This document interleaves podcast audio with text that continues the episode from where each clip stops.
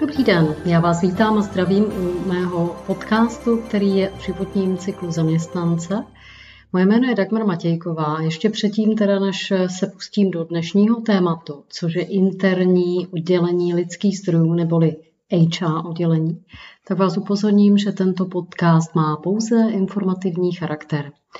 Tak a teda z jakého důvodu bychom se měli rozhodnout, protože potřebujeme v naší firmě oddělení lidských zdrojů.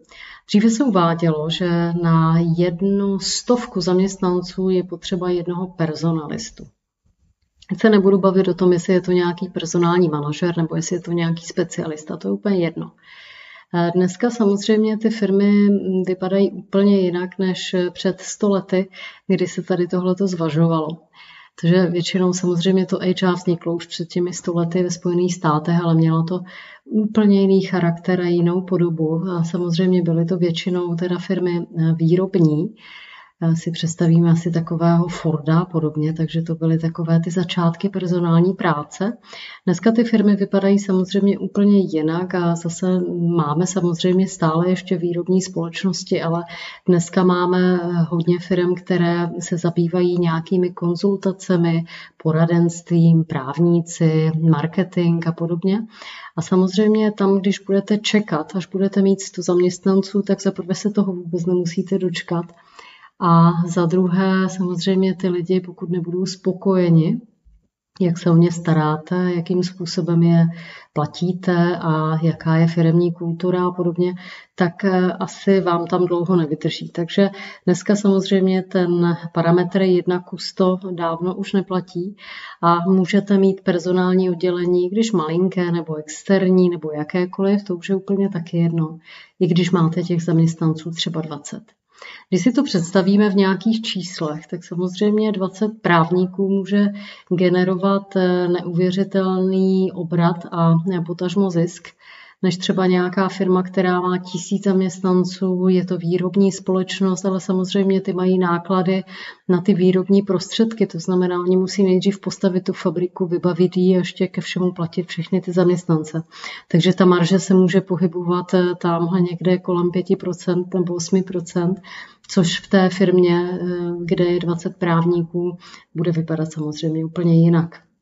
Protože oni zase eh, vystavit nějakou fabriku nepotřebují a, a potřebují samozřejmě dobrý počítač a nějakou kvalitně eh, zařízenou kancelář, aby mohli odvádět eh, dobře svoji práci.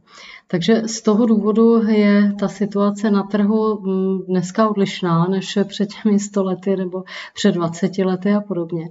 A hm, oddělení lidských zdrojů dneska je tam od toho, aby se o ty zaměstnance samozřejmě staralo, a to od A až do Z, nebo možná ještě A minus 2, protože samozřejmě vy, než ty lidi naberete, tak musíte eh, taky nějakým způsobem komunikovat s těmi potenciálními zaměstnanci, musíte komunikovat třeba s vysokými školami, učilišti a podobně.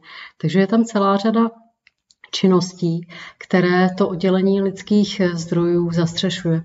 No a jak na to, jak zjistím, že potřebuju oddělení lidských zdrojů, tak většinou to bývá tak, že eh, u těch startupů všichni chodí za nějakým majitelem nebo za nějakým členem toho vedení nebo top managementu a e, samozřejmě on není schopen na ty otázky, které oni se ptají, například e, kolik má nárok na dovolenou, co má udělat, když se teď e, bude třeba ženit, narodilo se mu dítě, na co mám nárok, na co nárok nemám a podobně. Takže ti zaměstnanci chodí tady s těmi dotazy, které jsou naprosto samozřejmě relevantní, no a nikdo nám na ně není schopen odpovědět. Takže většinou tady bývá ten moment, kdy si vedení společnosti uvědomí, že možná by bylo na čase HR oddělení zvážit.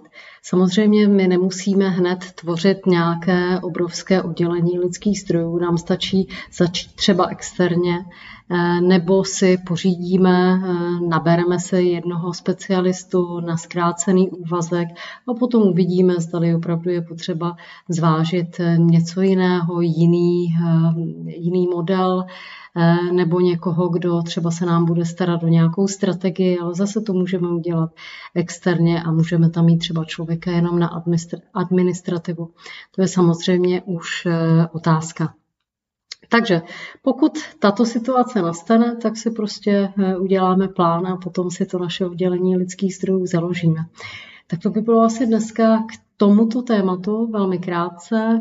Bližší informace o mně a o mojej firmě a o mojich eh, službách naleznete na stránkách hrinterim.cz, kde máte také blog, kde si můžete přečíst celou řadu témat, které by vás mohly zajímat v rámci lidských zdrojů. Přeji krásný den.